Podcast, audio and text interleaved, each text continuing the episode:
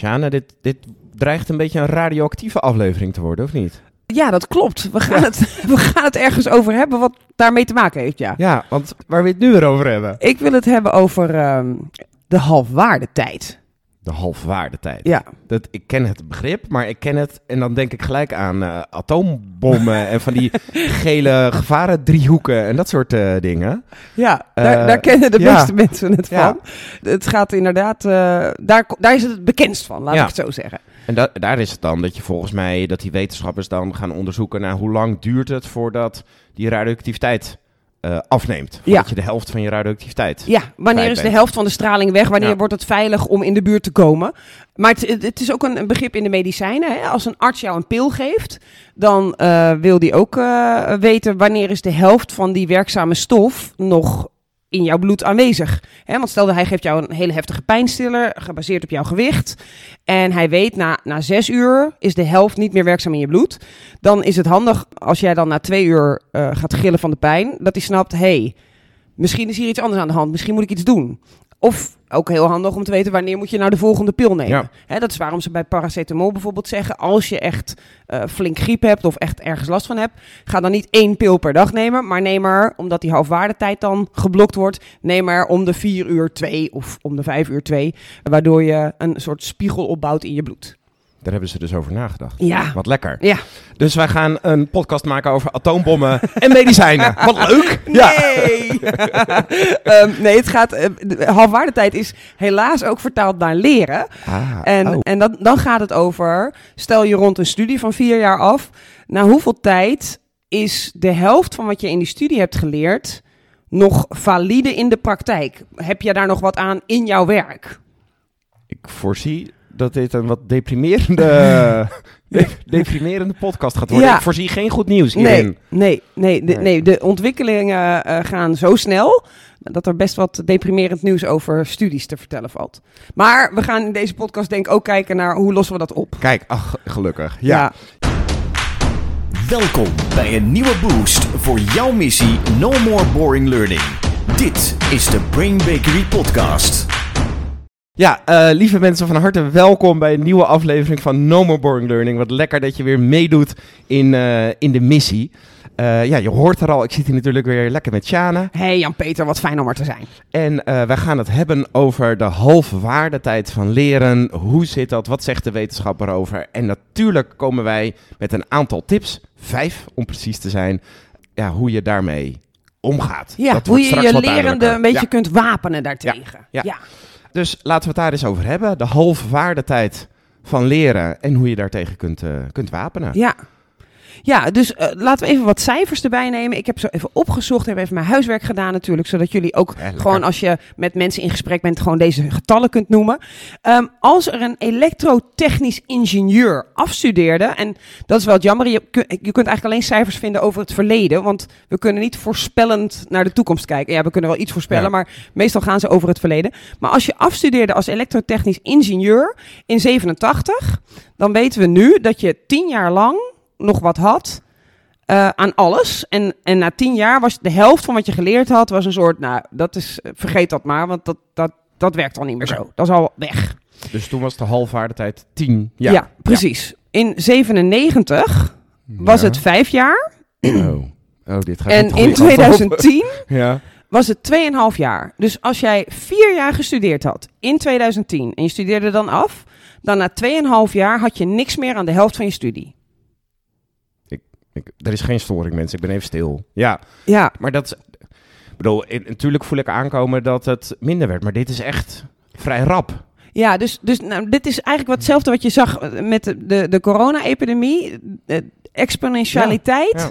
is iets wat wij bijna niet ehm, kunnen aankunnen. Hè? Nee. We hadden altijd de gezegde, verandering is de enige constante. Ja. Nee, verandering is exponentieel. Dus het, de toename van hoe snel wij ons ontwikkelen, hoe snel eh, nieuwe kennis zich voordoet, die is ongelooflijk. Als je in de jaren 50 afstudeerde in de medicijnen, had je ongeveer nog 50 jaar wat aan de helft van wat je had, eh, van wat je had geleerd. Dat is nu ook zoveel rapper. Dus al dat wantrouwen dat er tegen een vaccin was, die is ook heel goed verklaarbaar. Want in de medicijnen, nou ja, als je in de jaren 50 afstudeerde, wist je Ah. 50 jaar lang, had je nog wat aan de helft van je studie. Dat is nu echt gereduceerd naar een jaar of tien, naar een jaar of vijf Ja. voor sommige velden. Dus die exponentialiteit, die is voor ons brein, die kunnen we bijna niet aan. Dus mensen, dit gaat niet over de vaccinaties verder, maar die, mensen dachten vroeger eh, moesten mensen er, weet ik veel, twintig jaar over doen om een vaccin te ontwikkelen. Ja. Nu gebeurt het in een jaar, dus dat, Dat in dit kan geval niet. is de argumentatie, dat kan niet kloppen. Dat kan niet kloppen. Nee, nee. Maar, eh, eh, dat gevoel dat is natuurlijk heel logisch, omdat wij exponentialiteit niet snappen. Nee. Je kent allemaal wel dat, dat eh, raadseltje van oké, in 20 dagen is een stadion gevuld. Als je begint met één Ja. en dan verdubbel je het, dan duurt het 20 dagen voor het hele stadion gevuld is. En dan vraag je aan mensen, nou, je begint dus met, op dag 1 met 1, op dag 2 met 2, dan op dag 3 met 4. En dan vraag je aan ze, en op dag 19, hoe vol is het stadion dan? En dan rationeel gezien kun je snappen dat hij dan op de helft zit. Want een dag daarna is het verdubbeld. Dus is het hele stadion vol. Maar toch wil dat niet in je brein. Nee. Want exponentialiteit is gewoon iets waar je brein een soort van zegt: error, error, nee. En dat is helaas met leren wel aan de hand. Hè? Als je kijkt naar de skills die het meest gezocht werden in 2010, dan bestond daar de helft nog niet van eh, in 2004. Dus de skills die we nodig ja. hadden, die het meest gevraagd Ja. werden op de arbeidsmarkt in 2010, daar bestond de helft nog niet van in 2004. Zo rap, Ja, zo dus, snel. dus, ja. dus de opleidingen Gewoon- die in 2004 ja, klaar waren, die waren niet voorbereid op wat er in 2010 nodig was. En dat is alweer elf jaar geleden. Precies. Ja. We zeggen nu, wordt er veel gezegd, de skills halfwaardetijd, hè, dus van vaardigheden, die is nu zo'n beetje vijf jaar. In de ICT, in de IT, is het zes maanden. Dus ben je vier jaar aan het studeren en dan ben je aan het werk en zes maanden later kun je echt- echt de helft van je, Ja. van je studie in de, in de prullenbak gooien. Sorry, mensen uit de IT. Ja, ja, dus heel heftig. Dus dat betekent nogal wat voor hoeveel we moeten bijleren iedere dag. Ja. Het, het, het betekent dat, dat waar we vroeger nog in dat lekkere oude idee zaten van... nou, mijn studie is klaar. Misschien doe ik nog één keer een Ja. bijscholing. Een cursus. Een Ja. cursus. Maar, maar dat is niet meer. We, we moeten voortdurend blijven leren. En dat betekent ook, dat is een opdracht denk ik aan ons L&D'ers, ons vak en, en aan managers en trainers. Wij moeten dus heel goed gaan snappen hoe wij leren. En dus onze spier op leervermogen moeten wij ongelooflijk goed trainen, omdat we weten, het is nooit klaar. Je ziet het overal. We, denk- we willen toch naar een soort stadium van, nou, nu heb ik genoeg geleerd. Nu kan ik gewoon tot aan Ja. mijn pensioen gewoon lekker Ja. herhalen wat ik heb gedaan. Ja. Kan niet meer. Nee.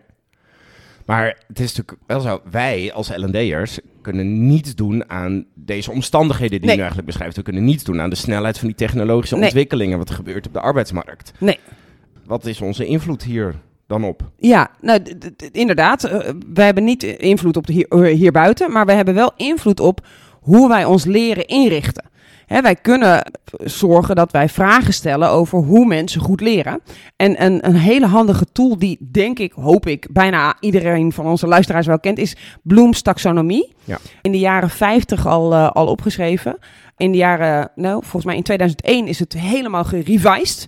Eh, maar zoals met alle opleidingskundige modellen is ook iedereen het eh, wel soms er niet mee eens. Maar het is wel een hele handige tool om te kijken op welk level leer ik mensen nou wat. Want daar zijn dus verschillende levels, niveaus in. Ja, Bloem, Bloem deelt ze eigenlijk op in, in lager leren en hoger leren. Mhm. En wat we weten is dat die halfwaardetijd in lager leren veel lager is Ja. eh, dan in hoger leren. Ja. Ehm, en ehm, ehm, het is dus van groot belang dat wij zorgen dat mensen veel hoger leren. Want in dat hoger leren kunnen ze vaak ontwikkelen ze ook leervermogen en kunnen ze vaak weer doorleren. Kijk. Ik zal even een heel simpel voorbeeld Ja. geven van mezelf. Ik, ik heb in België op school gezeten. Op de middelbare school. Daar leerden we over Julius Caesar. Die heette alleen in Vlaanderen heette die Jules César. Dat was echt, het duurde echt gewoon een half uur voordat ik door had over wie het ging. hebben ze het? Ja. Ehm, en dan kregen wij een soort eh, examentje, dat zo heette dat dan in België, of een toets. En dan eh, werd er gevraagd van, nou ja, eh, dan had ik allemaal gegevens had ik gekregen. Julius Caesar vocht daar tegen hun, de Galliërs, om deze reden. En het duurde zo lang en dit kwam eruit. En dan was de vraag op het examen, wanneer vocht Julius Caesar tegen de Galliërs? Ja. Nou, dat wist ik dan en dan was het klaar. En dan had ik een 100 op 100. Je had geleerd. Eh, Ja, Ja. en ik had hele hoge cijfers. maar goed, toen eh, kwam ik naar Nederland en daar zaten ze op een ander, in elk geval op die school, mijn geschiedenis, op een ander level te bevragen. Want dan kwam de vraag, waarom vocht Julius Caesar juist toen daar tegen de Galliërs? Oeps. Ehm, en dan dacht ik, dat stond niet in de tekst. Geen idee. Dus daar ging ik wel heel veel opschrijven. Eh, maar dan, dan ging ik echt af als een gieter. Ehm, en, en daar ging ik over in gesprek met die geschiedenisleraar. Hele aardige man trouwens. Maar ja, die vond mij echt heel dom. Eh, maar dat kwam omdat ik op een ander. eh, ik had leren studeren op een ander level. En daarom is het heel handig voor alle trainers om zo'n tool als Bloom's taxonomie of een andere tool erbij te pakken om te kijken op welk level leer ik mensen nu Ja. iets. En wat wij horen bij veel trainers is dat ze eigenlijk alleen op het level doen ehm, eh, snappen, hè, eh, Ja. iets begrijpen en kan ik het ook. Maar er zitten hogere niveaus. Moet ik die even doornemen of weet iedereen dit? Ik denk dat het lekker is, want ik kan me voorstellen dat, eh, dat dit model, deze theorie, dat een naam heel veel belletjes doet rinkelen. Ja. Maar ik kan me ook voorstellen dat mensen denken, ja, Hoe was die maar eventjes in. Ja. Ja, dus, dus Bloem, die, de, de taxonomie van Bloem, die zegt eigenlijk, er zijn zes levels van leren. Van heel laag, eh, en daar kijken we dus ook op neer. Nee hoor, dat is ook belangrijk. eh, maar die laagste, die is grotendeels vervangen door Wikipedia en door andere dingen. Ja. eh, tot heel hoog. En ik, en ik pak even mijn speakbrief erbij om ze even goed te benoemen. Het eerste level is onthouden. Hè, dus dan krijg je vraag over wat is dat? Eh, of bij Julius Caesar, in welk jaar gebeurde dit? Eh, en dan ben je eigenlijk aan het zorgen dat er iets in mijn brein onthouden blijft. Nou, we weten dat de vergeetcurve van Ebbinghaus... Voor Ebbinghaus komen. Ja. Ebbinghaus komt langs en dan ben je na zeven dagen 90% vergeten. Ja. Ehm, dus je ziet ook dat, dat dat de minst interessante skill is. Natuurlijk wil je dat jonge kinderen wel snappen hoe stop ik iets in mijn geheugen en hoe, hoe hou ik het daar. Maar eh, ja, opzoeken is daarin heel gemakkelijk. Ehm, tweede level is dan begrijpen. Dan heb je het dus niet alleen onthouden, maar je kan ook zeggen wat het betekent. Dus je kunt eh, vragen die je zou kunnen stellen is, kun je dit uitleggen? Kun je uitleggen waarom dit zo is? Kun je uitleggen waarom Julius Caesar daar toen tegen Ja. hun vocht? Nog steeds best wel interessant, maar ook best wel opzoekbaar als je dat zou willen weten. Ja. Het derde level is dan, kun je het ook toepassen? Dan kun je bijvoorbeeld vragen stellen als: Oké, je hebt nu eh slecht nieuwsgesprek eh, leren eh, doen. Je kan dat, je snapt het. Doe het eens. Maar ook kun je situaties bedenken waarin het handig is om deze strategie te gebruiken. En noem die eens.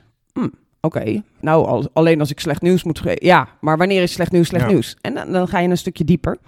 En, en die, deze eerste drie niveaus, dus onthouden, begrijpen en toepassen, die worden de laagste eh, levels genoemd in Bloem. En dat snap je ook wel, want de halfwaardetijd van nieuwe feiten, Ja. die worden zo achterhaald. Ja. En toepasbaarheden, omdat de wereld zo verandert, moet je het telkens op andere manieren toepassen. Dus Dus deze drie hebben een lage halfwaardetijd. precies. Ja. Dan gaan we naar een iets hogere wa- halfwaardetijd en eh, naar een manier van leren dat die kopieerbaar is en die kopieerbaar wordt. Dat is nummer vier. Level vier is analyseren. Dus wat je dan kunt doen om, om mensen te bevragen, is informatie in stukjes opdelen. En dan zou je kunnen vragen van, oké, nu je dit weet, wat gebeurt er als?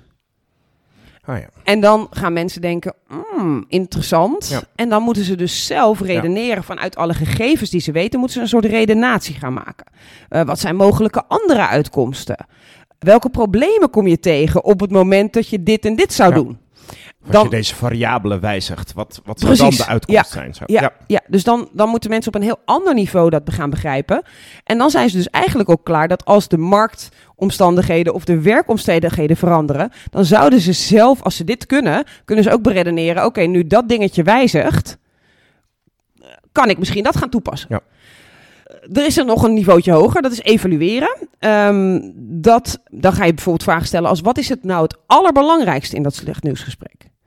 En dan zouden ze dan antwoord op moeten kunnen geven. Niet alleen, oké, ik heb de checklist doorlopen, ik heb de stapjes gedaan. Maar wat is het allerbelangrijkst? Nou, daar zouden ze dan antwoord op moeten geven. En als je dat weet, betekent het dat je waarschijnlijk ook een vertaalslag kunt maken naar, oké, nu ik in andere omstandigheden iets moet doen, heb ik nog steeds het belangrijkste voor ogen. In plaats van, oh, mijn checklist werkt niet meer, eh, Wat stopt. Ja. Ja. Wie zal er winnen of verliezen als dit gebeurt? Is ook een hele goede vraag om op dat level te stellen. Welke criteria kun je het beste gebruiken als je dit en dit zou willen maken? Dus hier ga je op een heel ander level vragen stellen. En uh, gaat iemand veel meer breinpower aan moeten zetten. En zet je hem dus ook klaar voor al die veranderingen, die exponentiële veranderingen in de markt die er op hem afkomen. En het mooiste niveau, het hoogste niveau, daar is echt verschrikkelijk veel discussie over geweest. Die is ook in de jaren een aantal keer gewijzigd. Maar op dit moment heet die creëren. Dat betekent dat van alle kennis die je hebt geleerd in een training, dat je iets nieuws zou kunnen creëren. Een, een, een voorbeeldvraag is, wij hebben laatst wat, wat uh, trainingen weer gedaan rondom kernwaarden. Mhm. En bij kernwaarden, als een bedrijf je belt van, goh, wij willen onze kernwaarden laten leren, dan is vaak eigenlijk als je hem vertaalt naar Bloem, ik wil dat iedereen ze kan oplepelen. Ja, precies. ja, ik wil ze onthouden. ja, precies, onthouden. Uh, uh, dan is, is onze vraag vaak van, goh, wil je ook dat ze situaties kunnen herkennen waarin het handig is om het toe te passen? Nou, dat, dat hè, dan, dan kun je eigenlijk als trainer al heel goed vragen gaan stellen. Op welk level wil je nou dat die mensen daar wat mee kunnen? Ja. Maar het hoogste niveau is bijvoorbeeld creatie. En bij creatie kun je zeggen van oké, okay, wij weten nu dat jullie deze drie, vier kernwaarden hebben. Stel, je zou er nog één aan toevoegen. Wat zou dan een hele belangrijke voor jullie organisatie zijn? En dan zouden mensen dat kunnen beredeneren. Dus creatie is dat je iets nieuws kunt maken met alle gegevens die je geleerd hebt. Lekker, ja. Um, en dat is best wel een lastig niveau om op te trainen. Want vaak stoppen wij op toepassen of op onthouden. Of heel veel vragen als ik dan quizjes zie. En als ik, ik kijk wel eens mee met, met nou ja, van de good habits en de study tubes en dat soort dingen. Wordt er heel vaak nieuwe theorie aangeboden. En gelijk daarna komt er een vraag van... Welke datum? Ja. Uh, echt zo'n eerste onthoudvraag in plaats van een begripsvraag. Uh, en die zijn veel interessanter. Dus daar zou ik heel goed op letten op het moment dat je zelf ook e-learnings of dat soort dingen maakt. Maar ook in trainingen. Wat voor vragen stel je nou na afloop? Dit vind ik wel een leuk, want we hebben natuurlijk uh, veel eerder al een podcast uh, opgenomen. Volgens ja. podcast nummer 11, als ik het uh, goed heb. Over ja. stop met de betuttelende vragen. Ja. Over de vijf ja, niveaus van vragen stellen. Ja. Waar dit natuurlijk een directe link mee heeft. Ja, absoluut. Ja, over dat, dat de, de feitencheckvragen hadden wij als, als laagste niveau. Ja. Um, en dat, nou ja, daar, daar is dit natuurlijk een, een directe link mee. Ja. Want ja, ik weet nu een feit.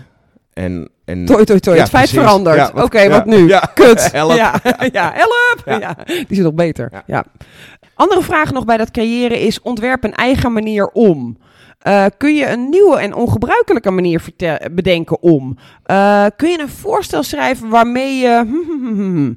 dus hier zie je dat mensen ja, een soort hun leervermogen is aangesproken, omdat ze al door hoe jij ze getraind hebt of welke leeractiviteit je met ze gedaan hebt, ze al verder kunnen denken en eigenlijk voorbereid zijn op. We weten niet wat er gaat veranderen. We weten alleen dat het waarschijnlijk heel ja. snel gebeurt. En wat ga je dan doen? En dan zet je mensen echt klaar in de huidige maatschappij. Ja.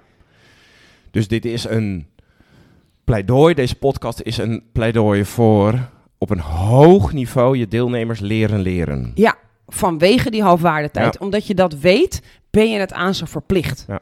Want leuk dat iedereen nog aankomt met situationele leiding geven, uitgevonden in 68 door Hershey en Blanchard. De huidige, de huidige lerende en de huidige medewerker wil een hele andere manier van leiding geven.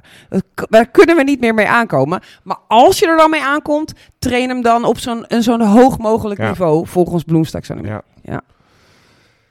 Nu kan ik me voorstellen dat luisteraars denken dat ze een heleboel denken. Dat ze een soort half deprimeren, eh, gedeprimeerd zijn. dat ze ook voelen, oké, oké, het moet naar een ander niveau. Maar nu is altijd dan de vraag, hoe doe ik dat Ja. dan? Ja, we hadden al gezegd, we hebben vijf tips. Ja. Is het tijd om naar de Ja. tips te gaan? Ja, sowieso is het dus. Eh, plak een sticker van Bloem's taxonomie ergens op en bedenk soorten vragen. En Ja. je kunt het hele internet weggoogelen. Die kun je allemaal wel vinden. Maar ga dat soort vragen verwerken in je training. En, en kijk ook, bruut eerlijk, tot op welk level train ik nu en, en geef ik les als je docent bent. En Maar de vijf tips, Ja, behalve dus gebruik Bloem's taxonomie, is om leren uit de verdomhoek te halen. En wat bedoel ik daarmee? De meeste mensen, als je vraagt wat is leren, dan ontstaat er onmiddellijk in hun brein een klaslokaal. Meestal ook een akelige, afschuwelijke leerkracht. Gedwongen zitten. Je moeder die over je heen gebogen staat. Heb je je huiswerk gedaan? De, Oh, eh, ja. de associatie met leren, helaas, daar strijden wij natuurlijk tegen. Ja. Maar de associatie met leren, helaas, is stilzitten, je bek houden en iets in je brein moeten stoppen wat je van je niet wilt dat het in je brein komt, omdat je niet snapt waarom het belangrijk is. Mensen denken bij leren, boring. Ja. En daarmee gaan dus ook allerlei fysieke sensaties gepaard. Ehm, en wat ik een hele gave sessie heb gevonden is op een gegeven ogenblik was ik in, het Midden-Oosten en toen was ik met een eh, hotelketen eh, waren we aan de slag. En daar hadden we het over leren. En ik zei, hoe kijken jullie nou naar leren? En, en dit, we hadden een hele open en vertrouwelijke sfeer. Dit, dit braakte iedereen uit. Nou, mijn hart ging natuurlijk in tweeën, Ja. want ik dacht, dat is niet waar leren over gaat. En toen hebben we echt zitten zoeken naar hoe kun je nou vragen stellen over leren, waardoor mensen leren ineens leuk gaan vinden.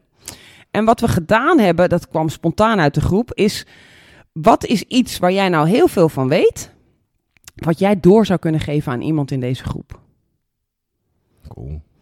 En ineens kwam Maria op de housekeeping die nooit meekwam in school en zelfs een fixed mindset eh, golm, eh, gegolmd werd door haar leerkrachten, die echt gewoon niet goed in de vel zat rondom leren, die kwam met hoe goed zij empanadas kon maken.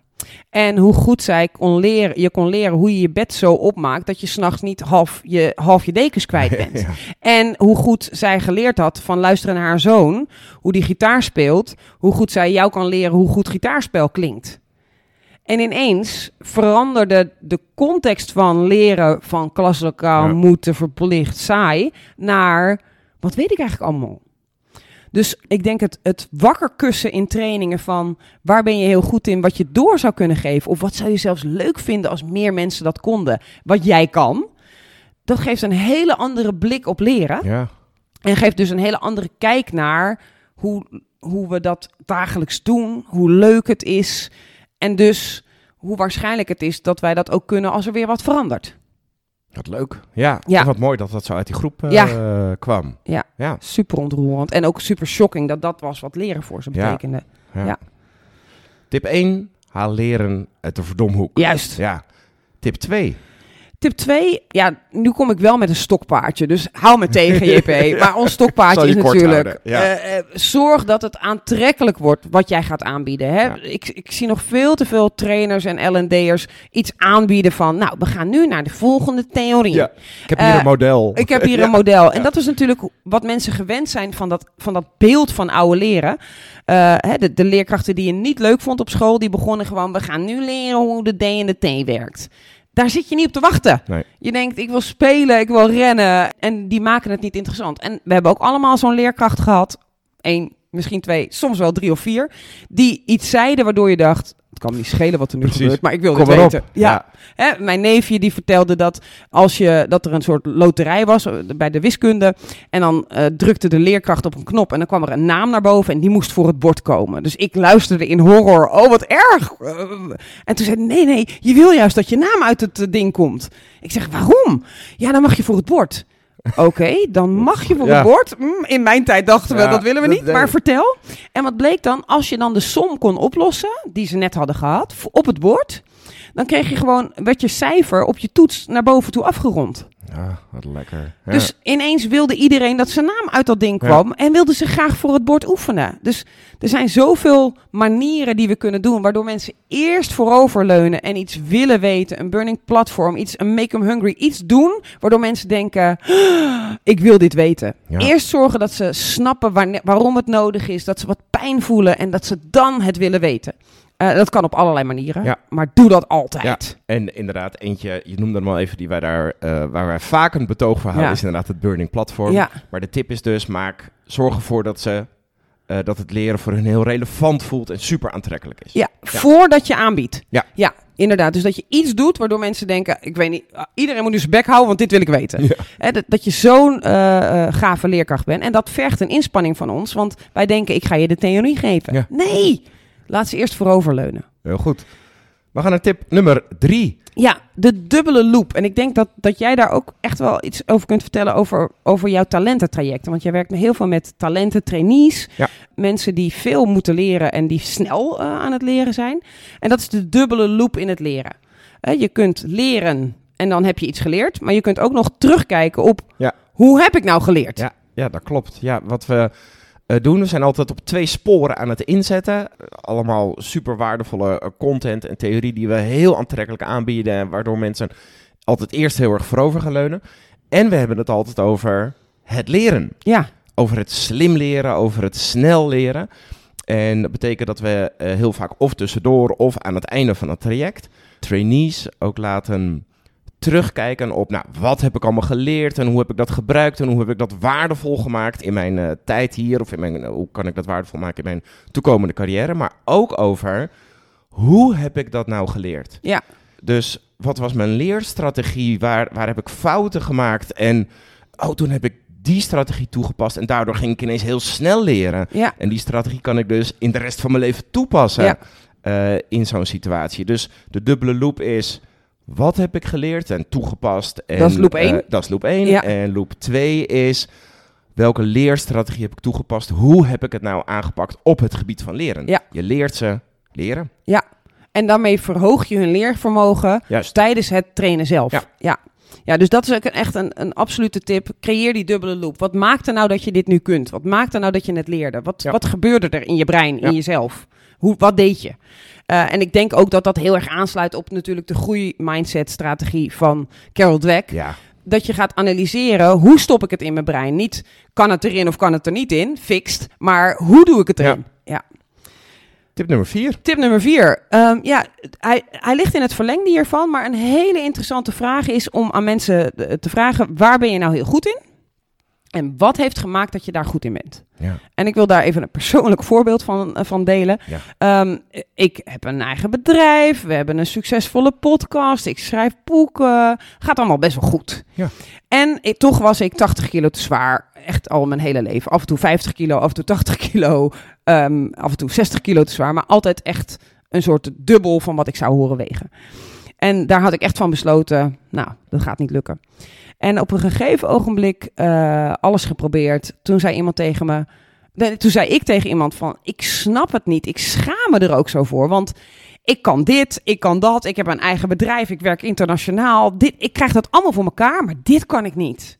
Zo erg, ik schaam me dood. En toen zei die persoon, die vroeg aan me, ehm, maar hoe ben je dan zo goed geworden in die andere dingen? Hm, En toen dacht ik, Goeie vraag. Ja. hey. Ja. Want als ik kijk naar hoe ik anders probeerde af te vallen, was met een, het een of andere dieet. Dan kwam South Beach er kwam langs en dan kwam Montignac en dan mocht je wijn bij. En Ja. dan kwam dit en punten tellen. Alles deed ik van volgens hun, maar niet hoe, hoe word ik nou succesvol? Dus wat ik toen ben gaan doen is, ik ben gaan kijken hoe ben ik nou succesvol geworden. En wat ik altijd eerst bleek te doen, was leren. Eerst in de wetenschap duiken, artikelen lezen, mensen interviewen, dingen te weten komen. En van daaruit heb ik bedacht, oké, hoe moet ik dit nu gaan aanpakken? Oké, ik ga dus eerst een jaar in therapie voordat ik eh, ga en, en heel veel lezen voordat ik een nieuwe poging ga doen. Want ik wil eerst, omdat ik weet dat het bij mij werkt, Ja. mijn kennisbase heel erg veel vergroten en niet nu weer het volgende ding gaan geloven.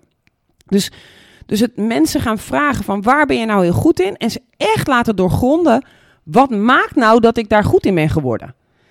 Was dat alleen maar 100 uur investeren? Ja. Of zaten er nog andere dingen bij? Hoe kun je slim oefenen? Hoe, wat deed jij dan?